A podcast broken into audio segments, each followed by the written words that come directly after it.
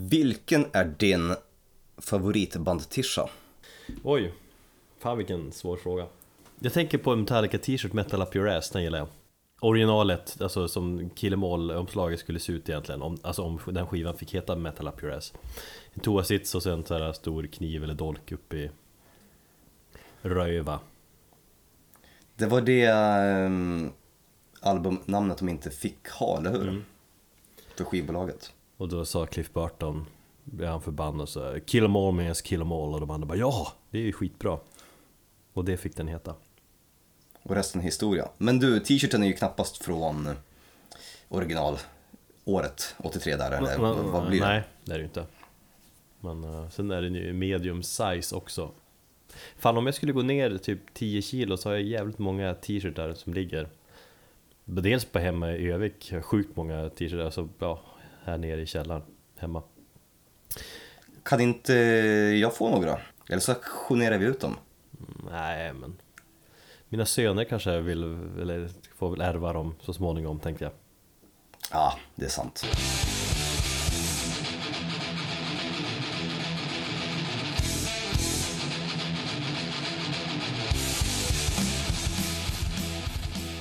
Hej, du lyssnar på Metalpodden avsnitt 59 direkt från Jakobsberg i nordvästra Stockholm, Sweden. Eh, med mig Erik. Och mig Thomas. Ja. Direkt från Hoden. Du, hur mår du? Ja, sådär. Jag kämpar på att de här Red Bull-vingarna. Fan, det var hård, hårt idag. Jag var uppe fem, så har jag jobbat och så har jag tagit hand om eh, kidsen här nu när min sambo har jobbat kväll. Och eh, min yngsta fick en sån här eh, vaccinationsspruta tidigare idag och mådde ganska bra. Sen vid fyra tiden då bara smällde till. Sen har skrikit konstant i typ tre och en halv timme. Jag avundas inte dig, samtidigt så vet jag exakt hur det känns. Mm. Så att jag, jag, kunde känna medlidande. Men jag skrattade lite grann också åt dig. Eller med dig rättare ja. sagt. Nej, man blir fan helt förstörd. Men nu eh, njuter jag. Nu sitter jag nere i källaren och dricker Red Bull och eh, pratar med dig. Ja, vad härligt. Ja, men jag har väl haft någonting liknande. Min eh, grabb har eh, någon sån här eh, separationsångest från sin mor så att han är totalt omöjlig att ha att göra med. Det tog 45 minuter att ta sig till förskolan bara för att han vägrade klä på sig. Och eh, samtidigt så har eh, Karo då börjat få lite små förverkare så att det verkar som att det händer någonting här alldeles snart hoppas jag. Men jag sa att hon ska hålla sig ifrån att föda tills vi har spelat in avsnittet. Sen är det fritt fram. Jag tror, jag tror ungen kommer på söndag, det är min gissning. Alla tror det. Eh, bara för det så hoppas jag att han kommer på lördag. För jag ska sätta emot. Mm, får se, det blir spännande framöver här. Ja. Men skit i barn, eh, då kommer vi börja tappa lyssnare. Mm, alla har zonat ut. Vi, vi har fått ett lass nya Metalpodden t-shirtar. Och även om vi har sålt en del av dem eh, så finns det ett gäng kvar. Så att om, du som lyssnar vill vara snygg i höst här eh, i en vit Metalpodden tisha så swishar du 200 spänn till 073 62 32 667 Så skickar vi med posten väldigt snabbt och omgående. Eh, och då ska du även ange vilken, vilken storlek du vill ha och var du bor. Får vi ett sånt, sånt meddelande då slänger jag ihop ett paket och postar på vägen till pendeln på morgonen. Ja, jag blir alltid lika, lika glad när jag ser att man får en sån liten notis på du har fått en Swish-betalning. Då vet man att folk tycker om oss. Ja, det är fint. Eh, sen kan vi väl nämna igen också att vi har en eh, Patreon-sida eh, på patreon.com metalpodden där ni har då möjlighet att ge oss ett litet ekonomiskt stöd och få en belöning tillbaka.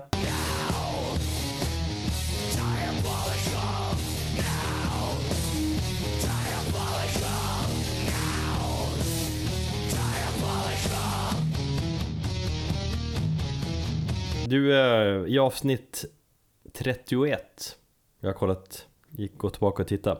Eh, då eh, berättade vi varför vi hatar Stockholms stad, alltså våra lokalpolitiker här i den kungliga huvudstaden. Ja, på grund av att de är eh, inkompetenta rövhål. Mm, först, Någonting i stil med det. Typ. De skötte ju nedläggningen av Debaser Slussen för ett antal år sedan väldigt dåligt. Och nyligen så kickade de ju också ut Debaser Medis, eller Debaser från deras Medis lokal, Medborgarhuset där. Det stämmer. Eh, och även Göta källare behövde ju stänga eftersom Stockholms stad vill bygga ett nytt fancy eh, bibliotek där istället. Eh, så det är väl dags att återvända till ämnet eftersom det finns lite mer att prata om kring det hela. Ja, och då har det väl kommit, man har kommit fram till att själva renoveringen av hela Medishuset då kommer ta betydligt längre tid och kosta en miljard. Vad var det? 330 miljoner mer vad jag har förstått. De skulle köra igång här efter sommaren och då hade de upptäckt att eh, budgeten de hade på 670 miljoner inte räcker till och de behöver visst en miljard. Fan, det är jävligt mycket pengar. Ja, Och att vad man kan göra för, för en miljard. ja, eller uppenbarligen kan man inte göra så mycket för en miljard. Nej. kan renovera ett gammalt jävla medborgarhus från 30-talet eller vad det är. Eh, Men sen kommer det bli försenat ett år också, minst. Vilket gör att vi står utan en internationell och, och, och stor musikscen som egentligen hade kunnat vara aktiv i ja, ett och ett halvt år. Utöver det liksom, när, när var det de la ner? De la ner i, det i slutet av 2016 va? Ja, alltså de fick ju lägga ner där vid, vid årsskiftet. Eh, Det intressanta där är att då hade ju Stockholms stad lovat att försöka hitta en likvärdig lokal. Med, Precis. med liknande läge och eh, storlek sådär.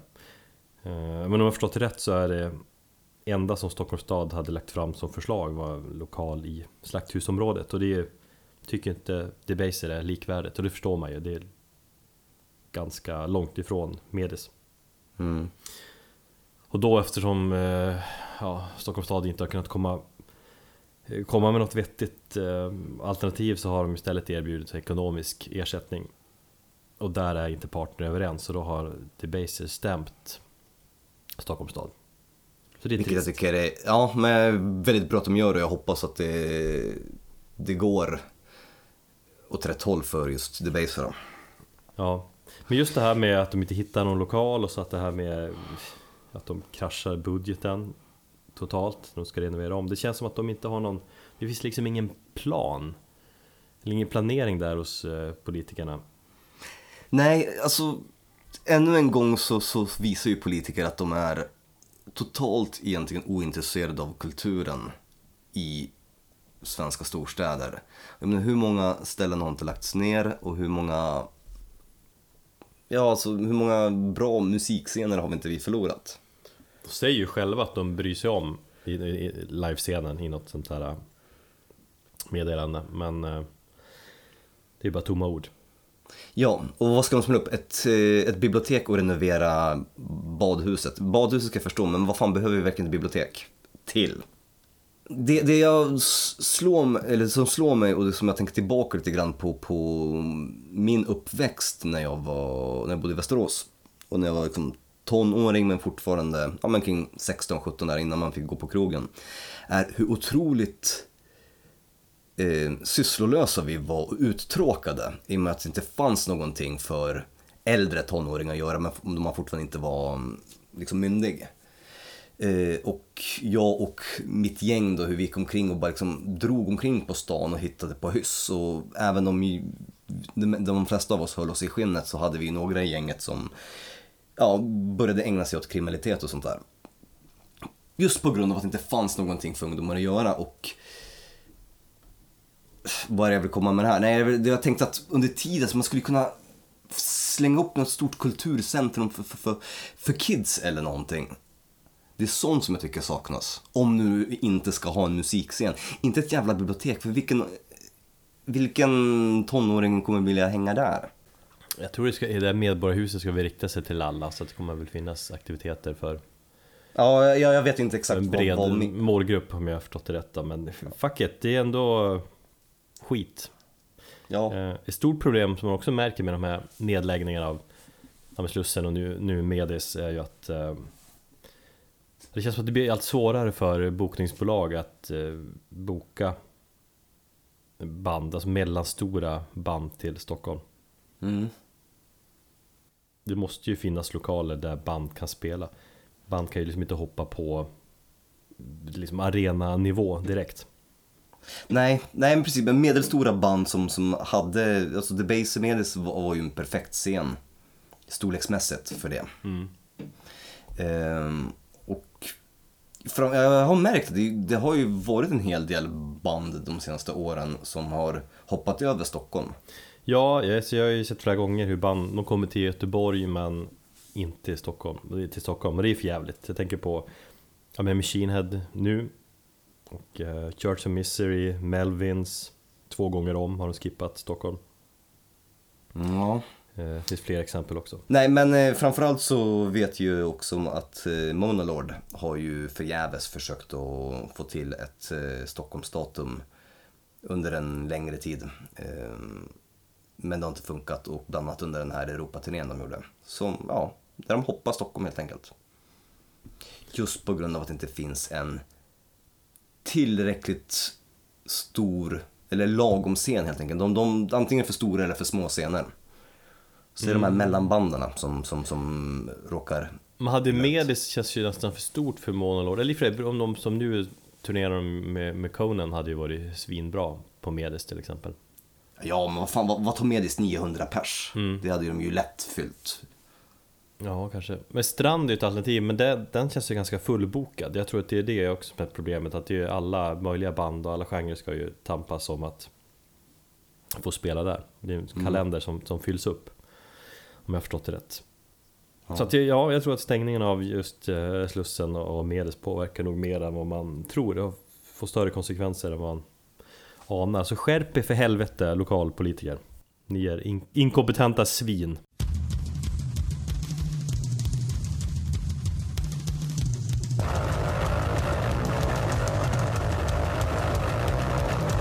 Morbid Angel eh, släppte ju eh, en singel här i förra veckan. Mm. Ehm, Har jag inte lyssnat på. eh, jag har hört den och jag tappade hakan i golvet av hur jävla kackig produktionen var. Eh, nej men helt ärligt, eh, folk eh, snackar om att genom att bara ha hört den här låten snackar de om att nu är bandet tillbaka. Och jag orkar inte gå in på hela den här ja, dra, dramat kring bandet och att det finns 75 olika upplagor av bandet och ja, eller I am morbid och där, där ena hälften kör och, och, och sådär.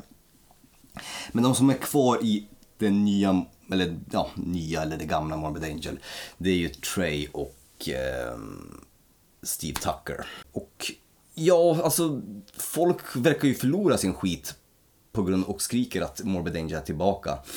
För att det låter som det kanske gjorde en gång i tiden. Eller att ljudbilden på något sätt är tillbaka. Jag vet inte, jag, jag, jag, ehm, jag tycker att själva trummorna är, eh, låter så otroligt dåligt producerade och, jag bara får tänk, tänka på fnuske. Det är det ordet som, som, som jag direkt poppar upp i huvudet när jag hör låten. Mm, jag får göra det, men är inte lite att det, det, folk får lite så nostalgisk eh, känsla då? Old school eh, sound på något vis. Alltså, jag har en liten teori och jag tror att det är lite grann som det var med Metallica.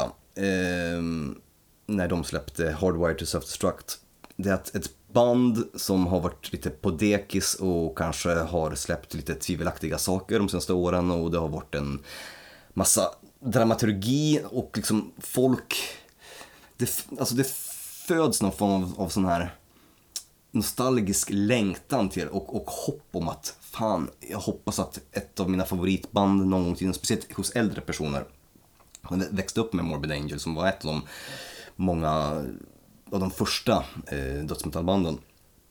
Att bara man får en liten återgång till någonting som kan verka vara old school så, så tappar folk skit, vilket ni, ni tappar sin skit. Eh, vilket nödvändigtvis inte betyder att det behöver vara bra. Tappa sin skit, uttrycker det är så roligt att köra på svenska. Men ja, Ja men... men, Nej, men jag det var förstår hur du menar. Jag, Det var, ju, det var ju lite grann sådär med Metallica också. Men folk bara wow, Metallica tillbaka. De, de riffar, de thrashar. Oj, det är liksom det är gamla Metallica. Man bara, nej, inte riktigt, tycker jag då. Eh, det, sen var det inte nödvändigtvis allting var, var dåligt, men, men jag hade väl kanske lite mer tvivelaktig inställning. Och det är lite grann samma sak här. Jag tycker inte det var superbra. Det baserar ju för bara på en, en låt, eh, som, även om den hade taskig produktion. Ja, absolut. Men, men lika mycket som folk redan säger att Morbid Angel tillbaka, det här är det bästa på länge. Alltså jag, jag har ju sett att det var lite skriverier om dem, men jag kände ju bara, jag känner mest gäspning. Jag känner, eller jag känner så här, är det någon som engagerar sig i Morbid Angel 2017? Alltså, eh, framförallt jag, det var ju skitlänge sedan jag lyssnade på dem. Och det är väl, alltså, så släpper de De har ju släppt skivor på ganska länge, eller på hela 2000-talet har de väl släppt väldigt få album också. Ja, Fast för det är kanske en fördel, då när de väl släpper någonting igen då alltså jag tror ju att det ja men det är ju 30-plussare och äldre som, som eh, försöker väl på något sätt få tillbaka något nostalgiskt hopp om att det ska vara bra. Men i övrigt tror jag inte att det kommer Alltså jag tror också det kommer vara en gäspning när väl skivan kommer. Jag, jag, jag, låter, jag, jag ska reservera eh, någon, någon vidare bedömning av, av, av skivan förrän jag har hört hela. Men, men nej, jag vet inte. Jag Eller så kommer en- han hamna på din eh, första plats på årsbästa listan Man vet aldrig Det vet man aldrig. Nej men jag fick också en liten, liten pepp på, på Morbid Angel och, och lyssnade på, på lite plattorna, eller några av deras plattor idag. Så vi får se helt enkelt ehm, hur det blir. Eh, bara inte blir en ny Illud Divinum Isanus och eh, Radicalt, för det blir bara too extreme.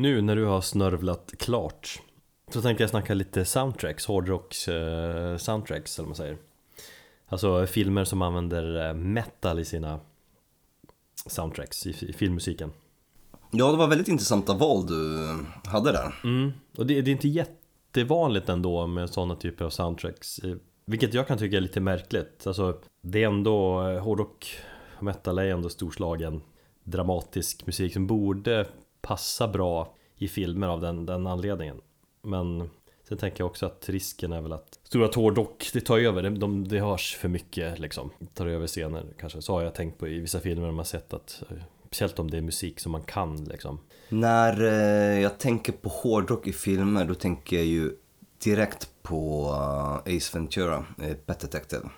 Och när han går på Cannibal Corpse-spelningen. Mm. Sen tänker jag också att anledningen, en anledning att hårdrock inte är så vanligt i, i soundtracks det är väl att eh, alltså, man kanske är rädd från filmbolagen att det ska skrämma iväg folk om man har sån musik i, i en film, möjligen. Mm. Men eh, just eh, hårdrock soundtracks är något som du inte är särskilt familjär vid om jag förstod det rätt. Eh, nej, det är jag inte. Jag har ju kollat på, dina, på din lilla lista som du har gjort och det var vissa saker som jag fick en aha-upplevelse av. För jag hade ju inte någon aning om egentligen hur du hade tänkt att gå tillväga med, det här, med den här listan. Nej. Men eh, det var intressant så jag tycker att ja, ordet är ditt så får jag helt enkelt och fylla in the blanks. Mm.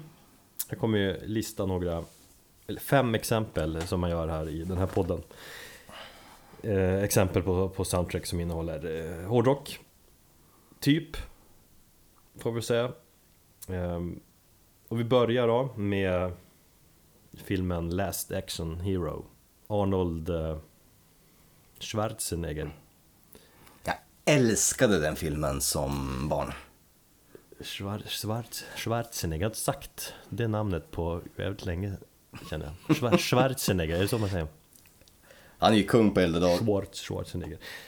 Ja, men han hade väl sin peak där omkring va? Just som skådis i slutet av 80, början av 90 Predator och Total Recall Terminator 2, världens bästa actionfilm Japp.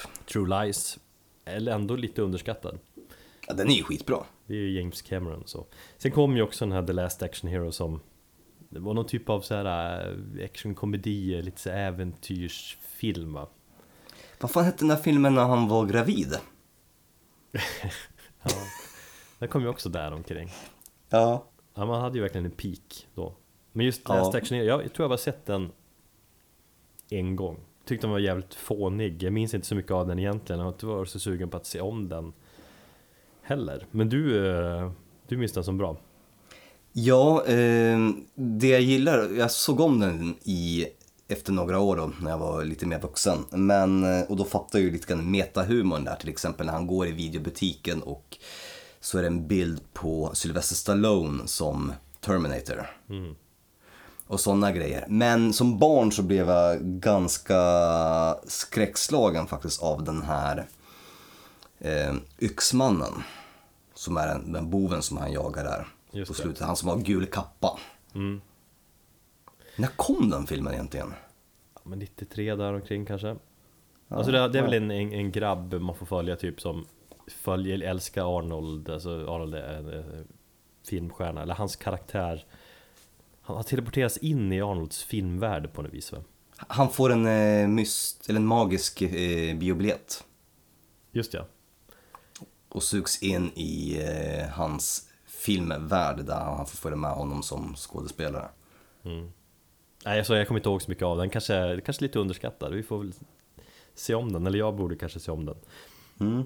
Inget fan av filmen sagt, tror jag, men eh, den hade ett jävligt bra soundtrack Innehåller bland annat tidigare osläppta låtar med Alice in Chains och Megadeth och Anthrax eh, Även AC/DC hade ju låten Big Gun som De släppte ju någon musikvideo där, där Arnold hoppade Skuttade Som eh, Angus Young och sådär Men hur kommer det sig att-.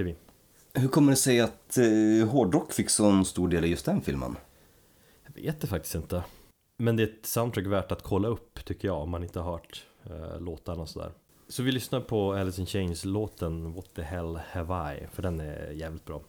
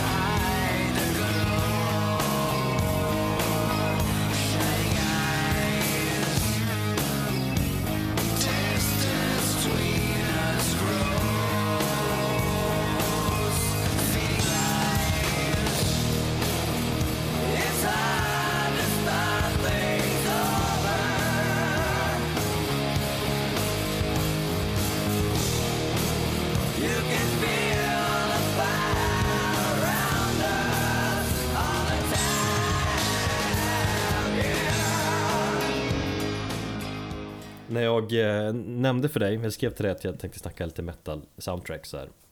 Så skrev eh, du eh, Hans Zimmer. Hans Zimmer som förslag. Mm. Tycker det var lite intressant, jag bara nej, han är ju fan, det är ju en filmmusikkompositör. Han, eh, han skriver ju liksom eh, renodlad musik för film. Hur ska man beskriva hans stil? Alltså blanda elektronisk musik och ja, orkester arrangemang Så inte metal på det viset ju Fast så tänkte jag ändå, fan Du skrev någonting, ja men en del det, grejer det, det är ändå metal i arrangemanget och, och liksom Jag tycker... storslagenheten Ja, men precis. Det är storslaget, det är, det är, det är mycket känsla i hans musik och det är, liksom, det är pampigt. Jag tycker att känslomässigt så tycker att han, han ser mer en, ja, alltså om man, jag ser honom lite grann som en kompositör i samma stuk som, eh, ja, de stora Bach och Beethoven och de var ju fan de riktiga hårdrockarna. Och de första riktiga hårdrockarna. Ja det, ja, det kan vi diskutera. Men jag håller med dig helt och hållet ändå när jag tänkte efter att det är ju just den storslagenheten och, och mäktiga. Det blir ändå metal på det viset. Alltså, han är jävel på att skriva de här storslagna, dramatiska stycken som Ja men det känns och ge gåshud ju. Jag är glad att du lyssnade på mig. Mm, ja men jag tänkte efter lite grann. Eh, så på det viset är det, ja, metal. Och anser jag då, han har aldrig varit så bra som han eh, är på Inception soundtracket.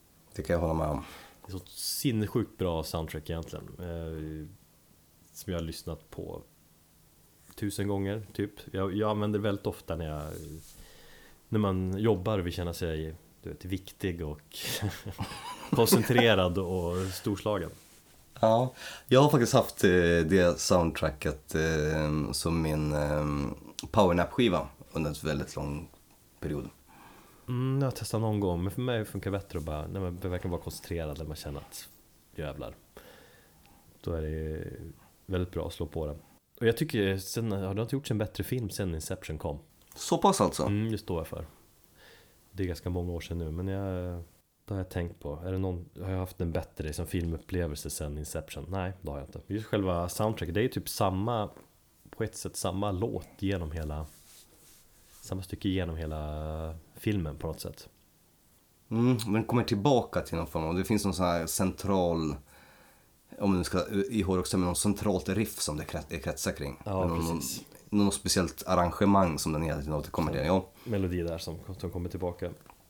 Så Precis. Det, byggs upp och, och ner på. Så, så vi lyssnar en del på, eller det här stycket heter Dream is collapsing.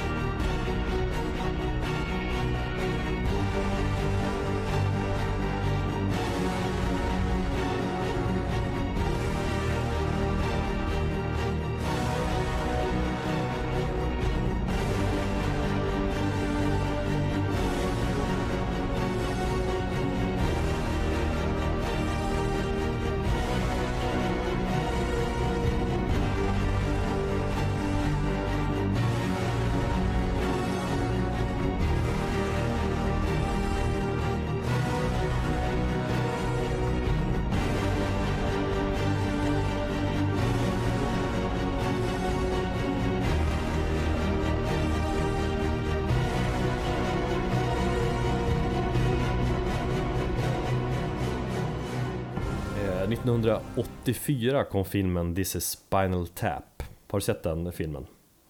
eh, vi har, eh, du har frågat mig det Vi har berört det tidigare. Mm. Ja, du har frågat mig i, i podden och jag svarade att jag inte hade sett den och du skällde ut mig ut efter noter. Jag har fortfarande inte hunnit se den sedan dess, men det är någonting som jag, jag vet inte, jag, jag får aldrig, jag kommer aldrig till skott med att se den filmen. Det är så märkligt det där, att de inte gjort det. Man brukar snacka om Spinal Tap ögonblick och sådär. Mm, jag, jag vet, men jag, jag, på något sätt så har det bara, nej de typ blivit av och jag bara känner att nu när jag såg den här på listan tänkte jag, nej nu måste jag ta och se den. Så kanske här under kommande föräldraledigheten så får jag tid över. Se den imorgon kväll, för min skull. Alright, kan jag ge ett försök. Ja, men du ser ju så mycket film ändå, så då kan du ju lika bra se den. Det är ändå en av mina favoritfilmer, jag tycker det är en av de roligaste filmer som har gjorts. Mm. Det är ju en komedi som är en form av eh, en låtsasdokumentär eller en mockumentär eh, säger man va? Just ja. Där man får följa Spinal Tap på deras USA-turné som inte eh, går så bra. Spinal Tap är ju ett så här parodi hårdrocksband som driver med, med hårdrock i stort. Jag har säkert sett den. Ja, Jag är lätt uppe i tvåsiffrigt i alla fall. Oj. Genom åren så här. ja, men det är mycket tror- detaljer som man, man upptäcker fler, eh, fler varje gång man ser den. När du säger tvåsiffrigt så kommer jag att tänka på att den enda filmen som jag har tvåsiffrigt uh, har sett det är The Rock 14 gånger. Jag hade en sån här grej som tonåring att jag skulle se den 20 gånger innan jag hade fyllt 20 men det, det blev aldrig av. Jag såg den en gång i veckan under en viss period. Filmer som jag sett tvåsiffrigt är väl kanske Men Alien har jag sett Mm, Alien är... Aliens också och typ Terminator 2 Ja, de kan kanske vara där uppe någonstans. Och Highlander Åh, då måste jag se igen. Det har jag faktiskt eh, haft i åtanke. Tack för påminnelsen. Ja det är fortfarande bra Med Christopher Lambert. Världens bästa skådis Visste du att eh, karaktären David St. Hubbins, alltså som är sångare och gitarrist i Spinal Tap, eh, spelas av Michael McKean, han som spelar Chuck eh, McGill i serien Barry Call Saul. Eh, nej, det visste jag inte. Som spelas av Sauls brorsa. Mm. Gubben Åh, fan. där. Världens bästa serie. Ja. Du kommer få ännu mer respekt för honom när du ser Spinal Tap. Och då kan jag tänka mig att han är, ja han är ju ganska ung och, och, och ståtlig. Ja, i fin eh, blond peruk. Typ. Men en fråga angående den här filmen och musiken. Alltså släpptes musiken som ett soundtrack till filmen eller släpptes det en plojskiva? Alltså soundtracket består av Spinal Taps låtar som de spelar i filmen eh, Ja. också, underhållande låtar. Men jag tror att just själva Spinal Tap, att de Alltså filmen kom 84, men jag tror att de startar upp som ett som skämtband slutet av 70-talet eller något sånt där. Mm. Så att liksom de hade funnits med ett tag sen gjordes filmen, om jag har förstått det rätt. Okej, så filmen baseras på ett riktigt band? Ett riktigt parodiband. Ett riktigt parodi, parodiband, ja. Så att eh, ja, man känner igen många låtar från filmen när man lyssnar på soundtracket. Okej. Typ alla egentligen. Alla som låtar på soundtracket spelar de i filmen. Men hur många riktiga album släppte parodibandet innan filmen? Det, jag tror inte de hann släppa något innan. Eh, Det är väl en, egentligen en skiva de har släppt. Sen har de släppt lite fler album senare men som innehåller typ nyinspelningar av samma låtar och lite ja, blandat sådär. Okej. Men de blev aldrig seriösa? Nej nej, det All är ju right. ett låts- låtsasband. Det är ju skådisar liksom. Mm. Men de har ju varit med på liksom galor och sådär uppträtt och, och alla köper dem som att det, det är ett, ett riktigt band fast det inte är det. Okej. Mm. Eh, Så den eh, ska ni se och du ska se den. Och vi ska lyssna på låten Tonight I'm gonna rock you tonight.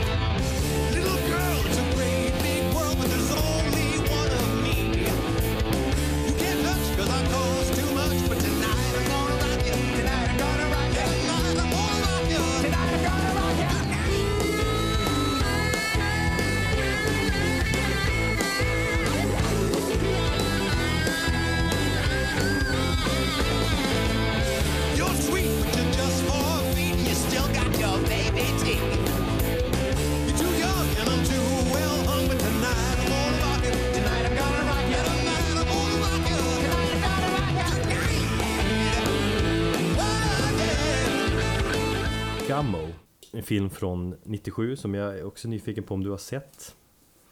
Jag har sett den. Jag har faktiskt sett den tror jag, två gånger, men det var väldigt länge sedan. Eh, och jag har inte reflekterat över musiken i filmen.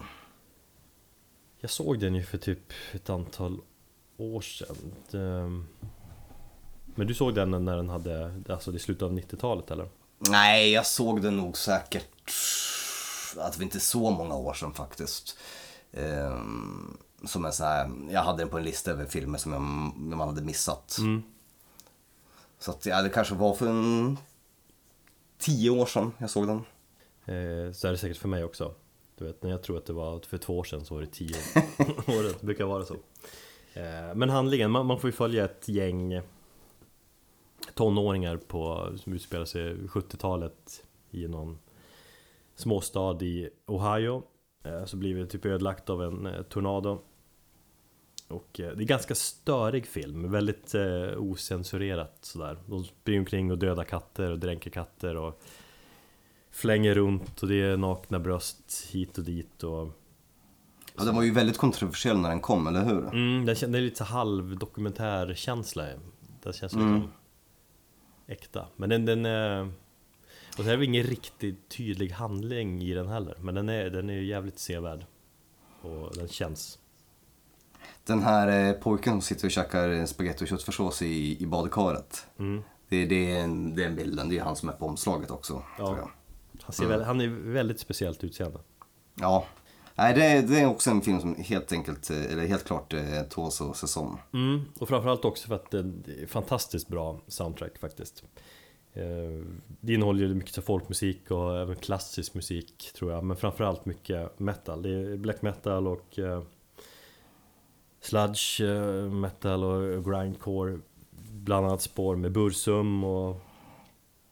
Bathory och I Hate God och Sleep och Niflheim med flera. Jag har ju för mig att han gjorde ju en eh, film som skulle vara en spirituell uppföljare till den här, eh, eller en sån här systerfilm också som också var väldigt osensurerad, som fick väldigt mycket skit som han gjorde många, många år senare. Ja, regissören har ju det skrivit manus till den här Kids, eller vad den heter. Så kanske den hette. Sen har han gjort mycket filmer sen dess också, en del som har blivit ganska stora. Nu kommer jag inte på vad han heter men Jag undrar, om- ja, men det är, undrar om det är nog Kids, när, där är det väldigt mycket explicita sexscener som eh, var filmade på riktigt. Ken Park, så hette den. Det är den jag tänker på. ja, jag tänker på en annan. Ja, det är i alla fall den. Där finns det, ja det är mm, någon lärarinna som har eh, förför en ja, tonårspojke och tror en ganska explicit sexscen hur det är någon som sitter och en kille sitter och onanerar till eh, damtennis samtidigt som han stryper sig själv eh, med en slips. Men eh, de, det, ja, men det är just det här, det känns helt enkelt när man ser de här, den här filmen. Och jag tycker liksom att musiken, just den här ja, men Black och, och Sludge framförallt passar ju jävligt bra in i misären i filmen på något vis. All right. Det är liksom inte bara tagit ja, metal för att det ska vara tufft utan att det i det här fallet så känns det verkligen genomtänkt. Jag tror också att just 97 här, så just de här typerna av band, jag tror många fick upp ögonen för, jag kan tänka mig i alla fall. Eh, och just det, Sludge är ju utmärkt eh, musikval, så därför ska vi lyssna på I Hate God såklart. Låten heter Serving Time in the Middle of Nowhere.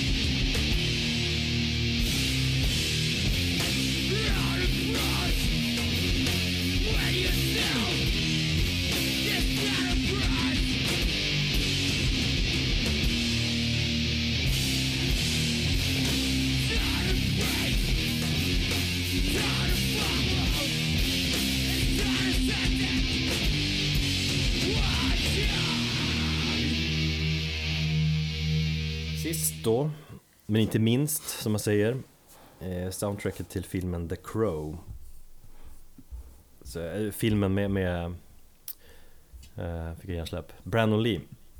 Som blev hans sista film eftersom han dog tragiskt under inspelningen. Därför Han blev skjuten. Ja, precis. De trodde det var låtsasskott, eller jag vet inte hur det gick till men Det var, nej, men det var som sagt, det var löspatroner men någon, jag vet inte vilken, någon teori där om att han var hemmagjorda löspatroner typ.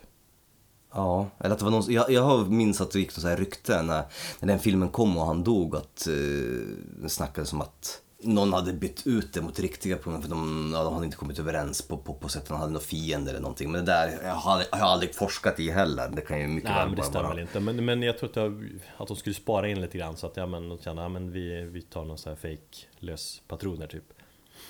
Um, också var lite för nära och blev skadad och eh, dog. Det är jävligt tragiskt alltså på alla sätt. Ja, det är det. Ehm, så är det. Eh, Men det är väl därför filmen har blivit lite kult förklarad också såklart. Men han spelar ju då en ja, någon typ av eh, rock rockstjärna, rockmusiker som blir brutalt mördad. Han och hans fru, hon blir så här våldtagen och mördad och så sen kommer han tillbaka, återuppstår, eller får återuppstå ett år senare och hämnas. Mm. Som är lite såhär, jaha vad är det för jävla handling egentligen? Men jag gillar ju filmen, eller jag gillar den som fan. Det är just det här, den poetiska rättvisan på något sätt. Men jag har för mig, den har väl inte åldrats sådär jätteväl utan den har väl en väldigt så här tidstypisk eh, stämpel. Om jag inte minns helt fel så kom den väl i mitten av 90-talet? Mm. Eh, 94 tror jag också. Jag, Ja. jag funderar också på det, för det var, det var så länge sedan jag såg den. Och jag undrar om den fortfarande håller. Men jag minns, den, den hade ju en viss liksom visuell känsla som säkert idag kanske känns lite föråldrat eller tidstypiskt för den, den eran. Eh, Men den är jävligt, liksom, ganska känslofylld på, på, på lite så här djupare plan på något vis.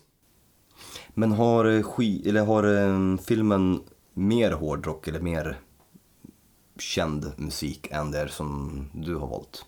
Ja, alltså eh, dels tycker jag soundtracket är svinbra därför jag tar upp den här jag vill säga att det här är första plats för att jag, jag får en, alltid en speciell känsla när jag lyssnar på den här skivan Dels för att liksom det är mycket nostalgi såklart, jag kan känna som man mycket här musik som man lyssnar på när man var när man var ung, jag kan känna exakt hur jag kände mig som som 13-åring Mm. 1994 där när jag slår på den här skivan. Jag får massa minnesbilder och så. Men sen är det jävligt coolt soundtrack. Nine Inch Nails gör en cover på Joy Division Pantera gör en Poison ID cover tror jag. Uh, Rage Against the Machine är med och kör någon Jag tror att det är en nyinspelning från någon, någon gammal B-sida eller sådär. All right. Helmet är med, Stone Temple Pilots. Så det, det känns allmänt som ett väldigt fint eh, komponerat, välkomponerat soundtrack. Och som passar lite, lite med filmen också i och med att han Karaktären, Brandon Lees karaktär var ju också en, en musiker. En hårdrockare, eller rockkille, vad fan han är för något Men vi ska lyssna på The Cure För att de eh, Den här film, eller den här låten Burn är en, eh, skrev de Just till den här filmen Första spåret på skivan som är ja, grym känsla i den låten Det bandet har för övrigt släppt en helt fantastisk platta i Disintegration. Eh, Det är nog enda The Cure eh, skivan som jag diggar riktigt hårt. När kom den?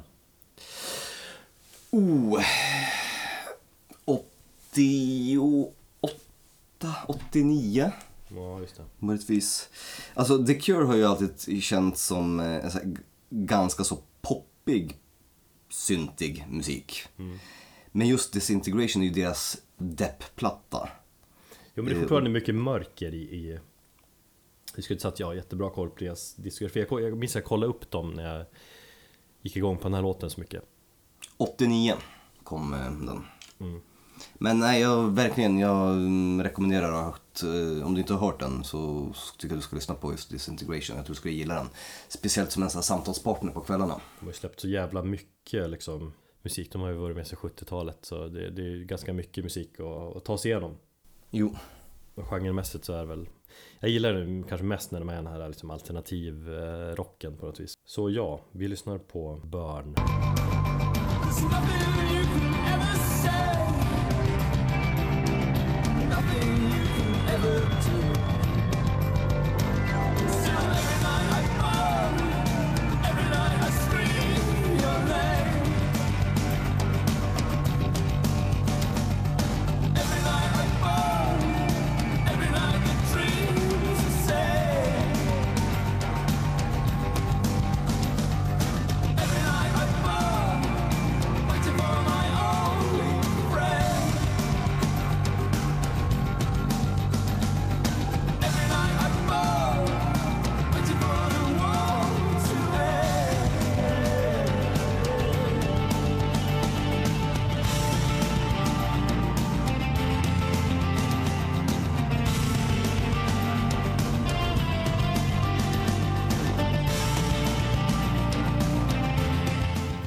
Kolla kollar nu på, mina grabb, på min grabb och förhoppningsvis väldigt snart min nästa grabb och jag får den här nostalgikänslan så har jag ju börjat titta tillbaka lite grann på min egen barndom.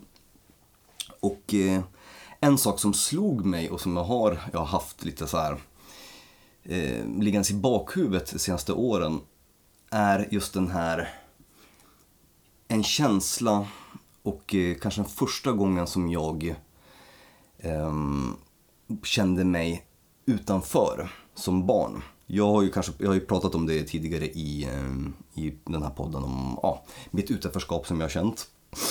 Ehm, och vilket problem det har liksom inneburit mig under, under min uppväxt. Och så slog det mig faktiskt att första gången som jag kände mig utanför var när jag ställde en fråga till mina föräldrar.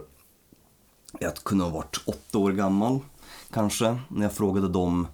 Ja, det var ungefär i samma veva som jag eh, hittade hårdrocken också. Ehm, så jag tror säkert det finns en sammankoppling där. Att i och med hårdrocken så hittade jag någon form av samhörighet. När jag såg Metallica och Guns N' Roses. Men ungefär vid åtta års ålder så, så frågade jag mina föräldrar eh, någonting i stil med att varför var inte jag född i Polen i och med att jag var född i Sverige? Och där så kände jag för första gången ett utanförskap för att alla pol- polska vänner som jag hade, de var födda i Polen. Jag var den enda som var svensk så att säga, eller född i Sverige. En polack född i Sverige, medan de andra var polacker födda i Polen.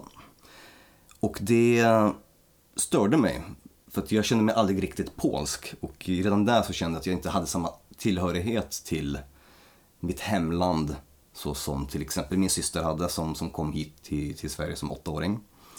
Och det där följde med mig väldigt länge upp i tonåren och när jag alltid var i, i Polen på somrarna så kände mig alltid väldigt svensk och jag har aldrig känt mig speciellt svensk i, i Sverige. Det här kände jag mig som någon form av andra generationens invandrare. Men jag har liksom aldrig, aldrig haft något aldrig haft något ställe som jag känner mig riktigt hemma på.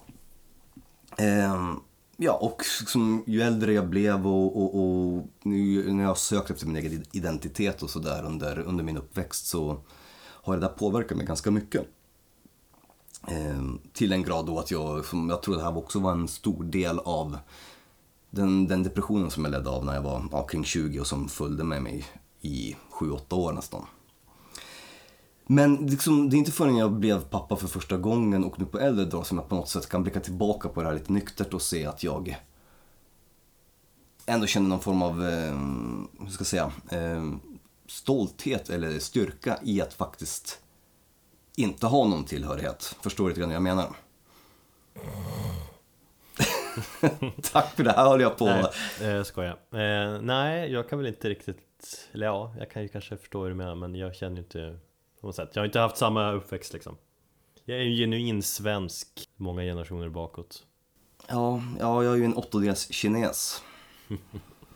Ehm, nej, men det är som sagt, när man får, jag tror det är ganska vanligt, jag, jag vet inte hur, hur det är själv, men när man tittar på sina barn och när man själv har kommit upp i en viss ålder så kanske man börjar blicka tillbaka lite grann. Och, och så där. Jag reflekterar väldigt mycket över min uppväxt och, och min härkomst. Och jag, jag, har, jag har aldrig känt något behov av att kolla upp min historia.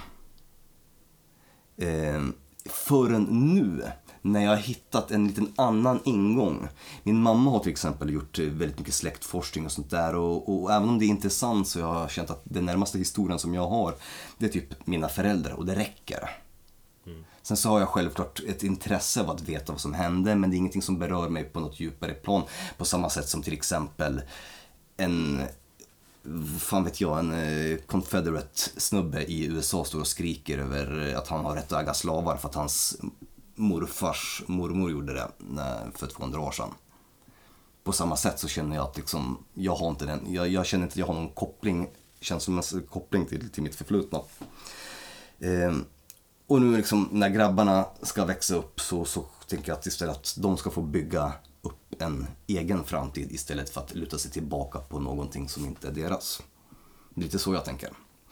Så att jag har istället börjat forska lite grann, eller gå tillbaka till min egen barndom och, och gå tillbaka lite grann i släkten och kolla om det finns något mer att hämta ur en synpunkt som kanske intresserar mig, eller ut ett perspektiv. Och just musik eller kulturellt. Då har jag ju kollat lite, ja, om det finns någonting, någon mer musiker i släkten sådär.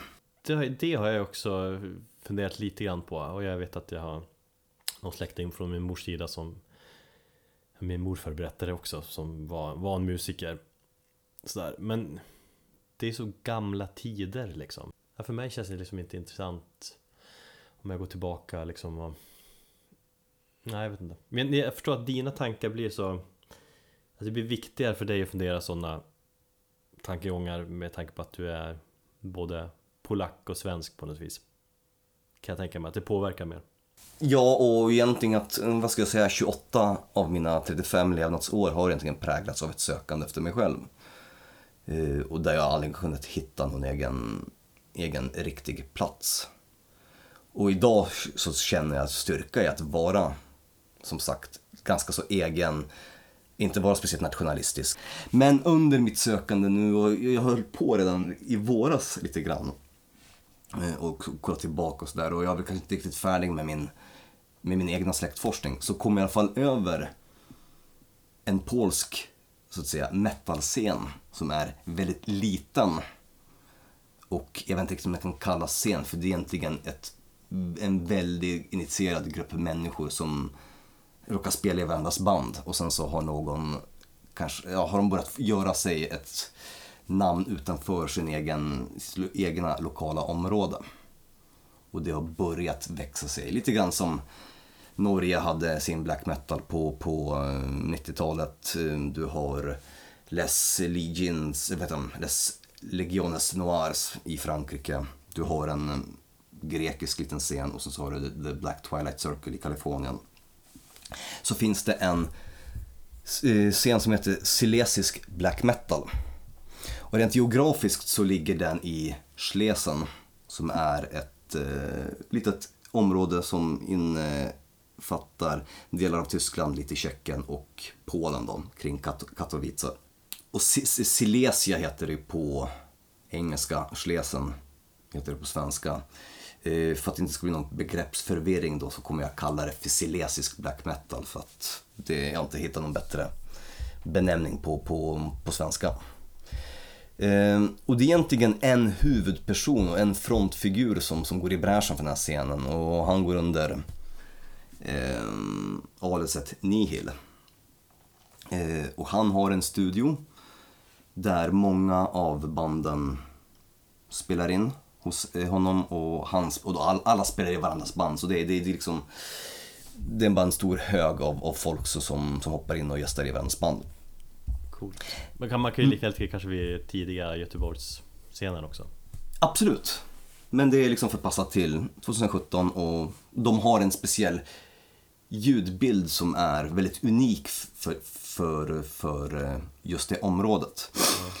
Eh, Och just Katowice och området där, det är ju egentligen ett eh, gan- ganska speciellt område för det är ju väldigt mycket industri. Det är väldigt...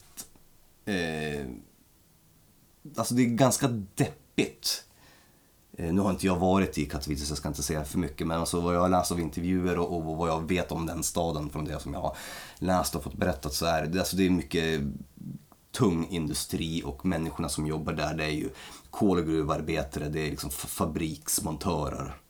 Så Det är att- väl ganska mångas syn på, på Polen och liksom Som en öststat så Som tänker Exakt. Warszawa med betongen och så vidare Exakt, men det finns även ett väldigt eh, stort eh, som naturområde där många av de här banden tar sin tillflykt till.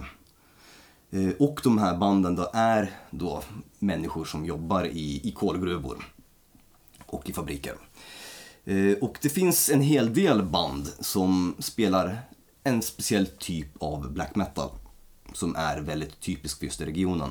Men den är även känd för att va, ha en annan ljudbild också. Att de, det finns lite så avantgarde black, det finns postpunk och, och en hel del lite syntig eh, musik där. De låter ändå ganska så likadant. Det finns, man kan höra, eller man kan skönja någon, någon form av röd tråd med de här banden. Även om de spelar lite olika genrer. Det är jävligt intressant när liksom ett eh, geografiskt område kan, kan spegla sig mycket i musiken. Att på- något vis man hör liksom hur det ser ut där den här musiken har skapats. Eller vad är det för typ av liksom folk som bor där och vad är det för typ av ja, men industrier. Och det, det, oftast är det ju kommer ju den här musiken från ganska tråkiga ställen allmänt. Det är väl dels många, många syn på, på Norge också, att det är jättekallt och Mm. jävligt. Men den här silesiska black metalen, som den kallas då, och den här själva scenen kallas för typ Let the World Burn Coalition. Och då är som sagt Nihil är den här centralfiguren för scenen. Och jag tänkte nämna fem stycken band som vi gör i traditionell ordning. Som kanske inte alla låter likadana, men de har väldigt mycket gemensamt med varandra och, och de har ändå lite olika takes på black metal, vilket jag tycker är väldigt intressant för de har utvecklat black metal från hur den lät under 90-talet till att göra någonting väldigt eget. Och det första bandet då, det är Furia. Och det är då med den här Nihil. Eh, jag skulle kunna säga att lite, lite skämtsamt så skulle jag kalla stilen de spelar för lounge black. Jag får verkligen upp en sån här bild av eh, en, en mörk eh, neonbelyst lounge där man sitter och, och, och röker. Du vet, lite såhär noir-stuk som i 30-talet, 40-talet. Eh, och så, ja men det är lite så här, det är lite post black metal i, med lite progressiva eh, tongångar.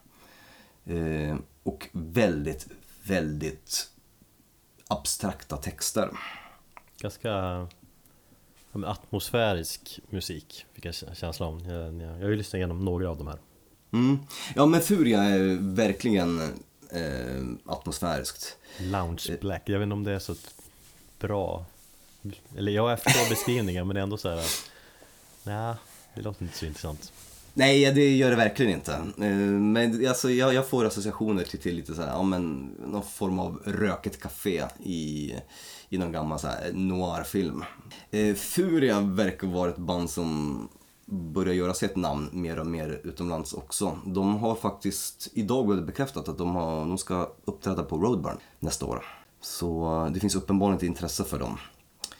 Eh, 2016 eh, släppte de en skiva som heter Księżyc Milczy Luty. Jag har ingen aning vad det betyder. Det är tre stycken random ihopsatta ord. Księżyc betyder måne, Milczy betyder eh, vara tystlåten eller vara mute. Eh, Luty är februari. Men för att eh, ja, visa lite grann hur bandet låter så ska vi spela låten Ciao som betyder kropp.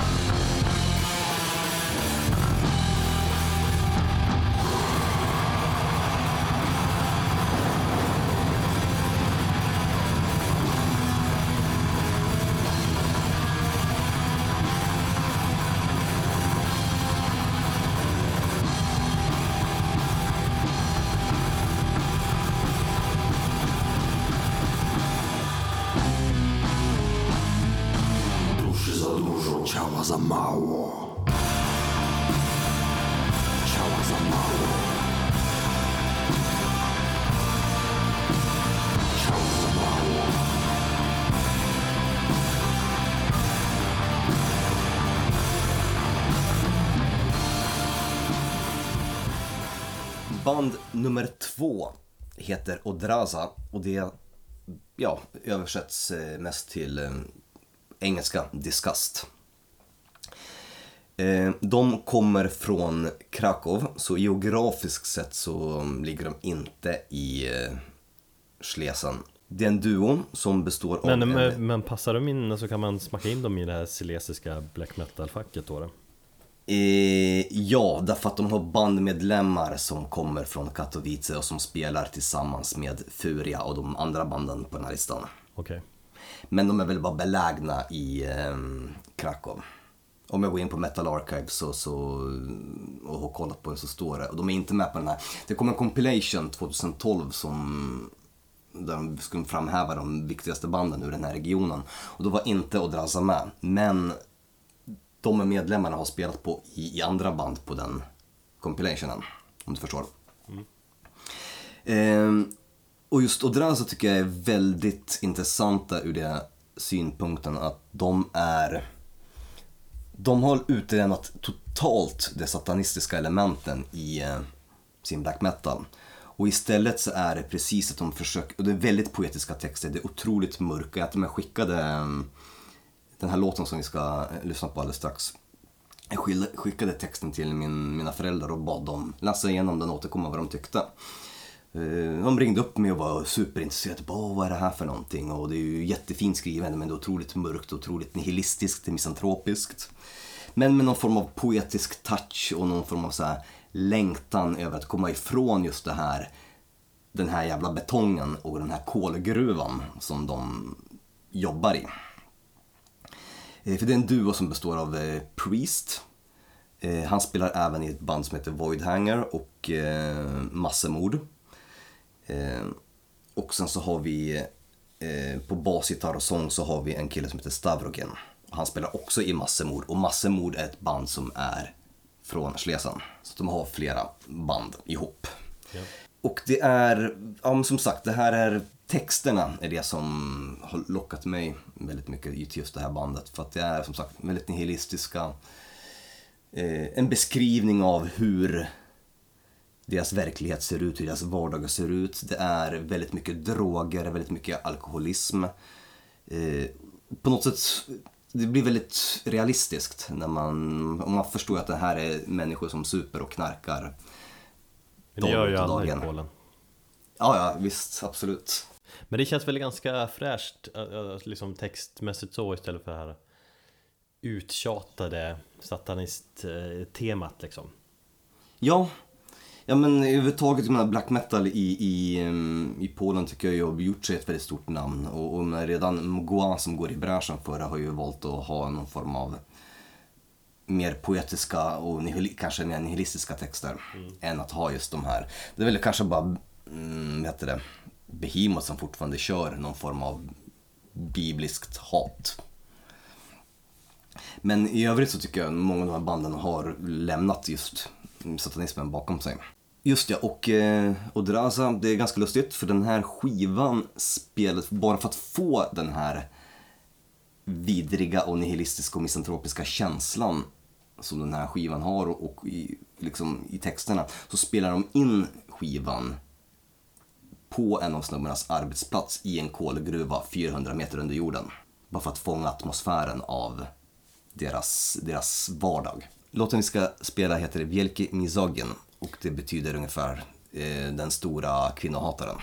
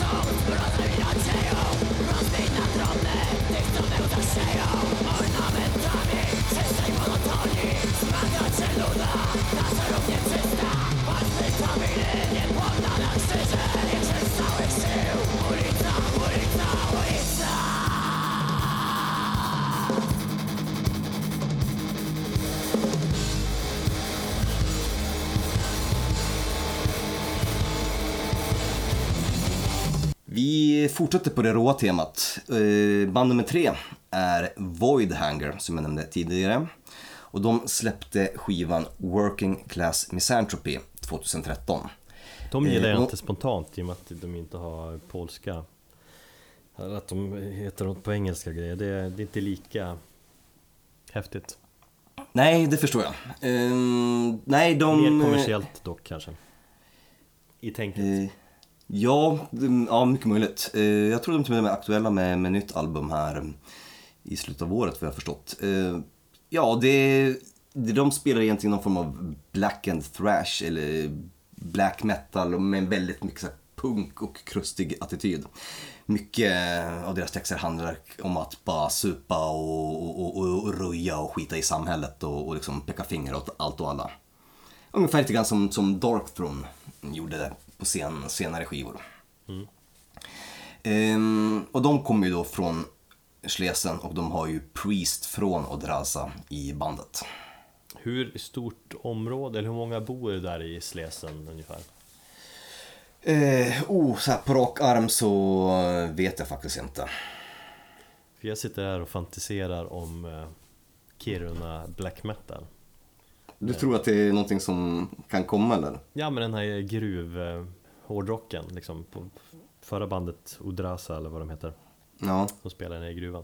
Alltså de som jobbar i, nere i gruvan i Kiruna och inte ser sol på ett halvår typ under vinterhalvåret Det måste ju påverka deras själar.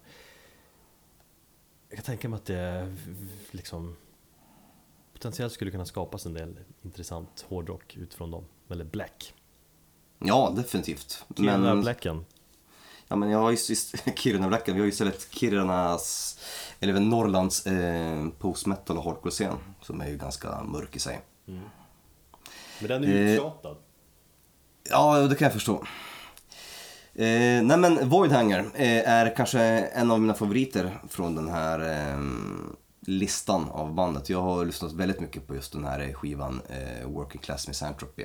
Och jag tycker vi kör titelspåret för eh, det är sånt jävla åk i den och perfekt att sätta på när du ska se upp dig från jobbet och be din chef dra åt helvete och så pekar du bara finger och går ut och super dig full och skiter i morgondagen.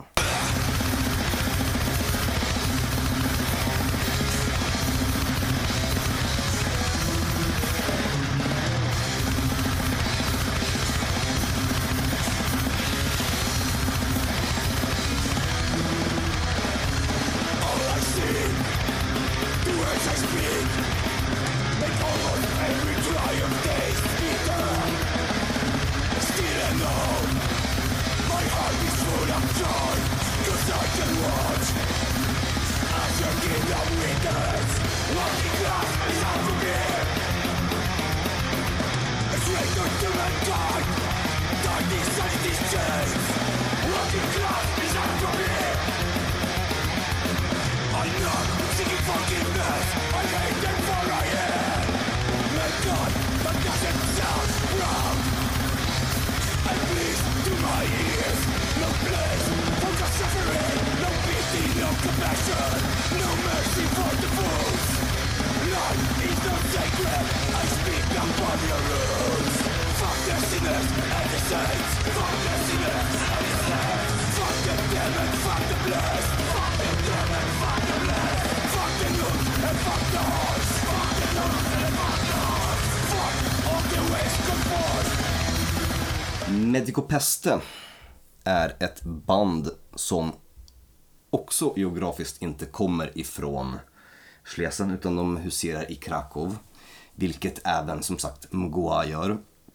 Eh, men alla där som sagt delar ju band med varandra. Eh, Medico Pesto har faktiskt medlemmar som tidigare spelat i just Mgoa och i Odraza. Eh, 2013 släppte de sin debutförlängdare som jag tycker är ganska så intressant. Jag har aldrig fallit för den. Eh, desto bättre var deras EP som de släppte mm, här i mars har jag för mig. Som heter Herzogen Darkness. Jag tror att de bytte kanske lite stil där också. Eller att medlemmarna från Mgoa hoppade in och startade Medico Peste. Så det är kanske därför den nya EPn låter lite mer Mgoa. Jag gick igång på den här EPn, jag lyssnade igenom hela två gånger Så att den här tyckte jag var bra Mm. Ja, men... Det var det jag gick igång på mest av de här i alla fall De här och Ja, Furia Alltså kände du själva likheten där med, med Mgoa? Ja, kanske Alltså Jag inget tänkte på just reflekterar över så, men ja, Kanske så här efterhand Ja, just första spåret tycker jag. För det, var ju, det, är, fy, det är en fyra spårs EP och sista låten är en cover på någon 80-talspärla, har jag för mig. Jag tror det var typ spår 3 som jag tyckte var bäst All right. Eh, nej men som sagt. Eh, bra black metal som också visar hur det kan låta från, från Schlesien. Även om det som sagt geografiskt inte de befinner sig där. Eh, och vi ska lyssna på just Eh, titelspåret, en, eh, ett litet stycke som heter Herzogen Darkness.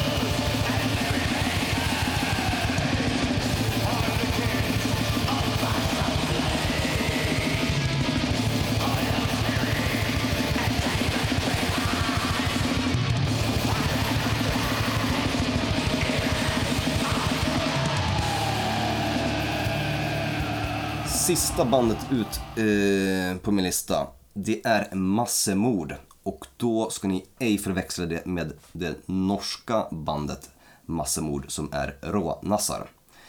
Eh, det här är ett eh, black metal-band som funnits sedan tidigt 2000. Eh, och då knyter vi an med eh, att Nihil, frontfiguren då för själva området, spelar i bandet. Och sen så har vi både Sta- Starovgren och Priest ifrån eh, Odrasa som också är medlemmar i bandet. Men alltså namnet Massemord, det är inte polskt, det är väl, eh, måste ju vara norskt eller danskt. Norskt och danskt. Norskt och danskt, ja. Men har de tagit Ja. det för att bara, vi tar något Hur säger man massemord på något skandinaviskt språk och så tog de det, jag tycker att det var ballt. Ja, det kan jag mycket väl tänka mig.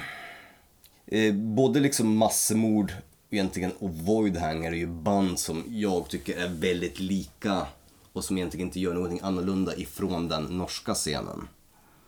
Eh, det är ju de här, det är Furia och Draza och, som, och Medico Peste som kanske har utvecklat mer. Men Massemord var ju ett tidigt band som Nihil startade, som sagt i början av 2000-talet och då var han väl kanske mer påverkad av eh, eh, och mycket yngre och påverkad av eh, den norska scenen innan han själv hittade sin egen stil och startade Furia.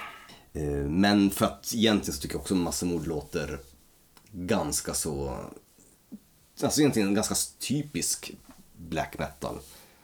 Rå, jag får väldigt mycket mm, Dark Funeral-vibbar på dem för att det det som är lite synd med, med, med, med den här skivan eh, som vi ska lyssna på.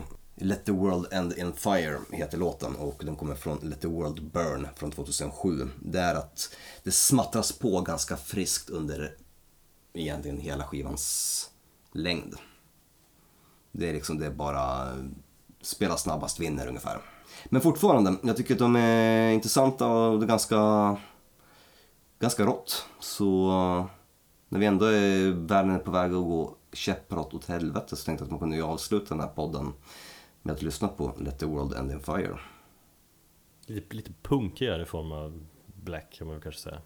Ja, men precis. Lite grann som, som jag, jag gillar när det blir det här liksom, lite punkigare stuk i, i, i black metal. Det tycker jag tillför en lite skitigare dimension. Så att eh, det var så mycket som jag hade om, om eh, polsk black metal. De flesta har väl somnat där för de var ganska ointressant att höra om mina rötter. Nej, jag tyckte det var kul. Ja, jag gillar, jag får gillar att veta mer om dig Thomas. Jag får fortsätta Lära känna utforska. dig. Ja, en vacker dag kanske jag kan prata om mina kinesiska rötter. Jag känner nu hur Red Bullen, jag har ju druckit två för övrigt. Två Red Bull. Ja men jag somnade ju med grabben där först, då hällde jag i mig en och så sen har jag druckit en under inspelningsgången, det känns som nu hur det kickar in, så jag, vad är klockan nu? Halv elva? Jag kommer fan inte somna på någon timme eller två Men eh, ska vi ta och avsluta det här avsnittet med att spela lite massemord? Det tycker jag Det blir ett Ja. utmärkt avslut Och så får vi väl eh, tacka för vå- våra lyssnare som vanligt För att ni lyssnar på oss! Precis. Och som vanligt till nästa gång så får ni ta hand om er. Ha det fint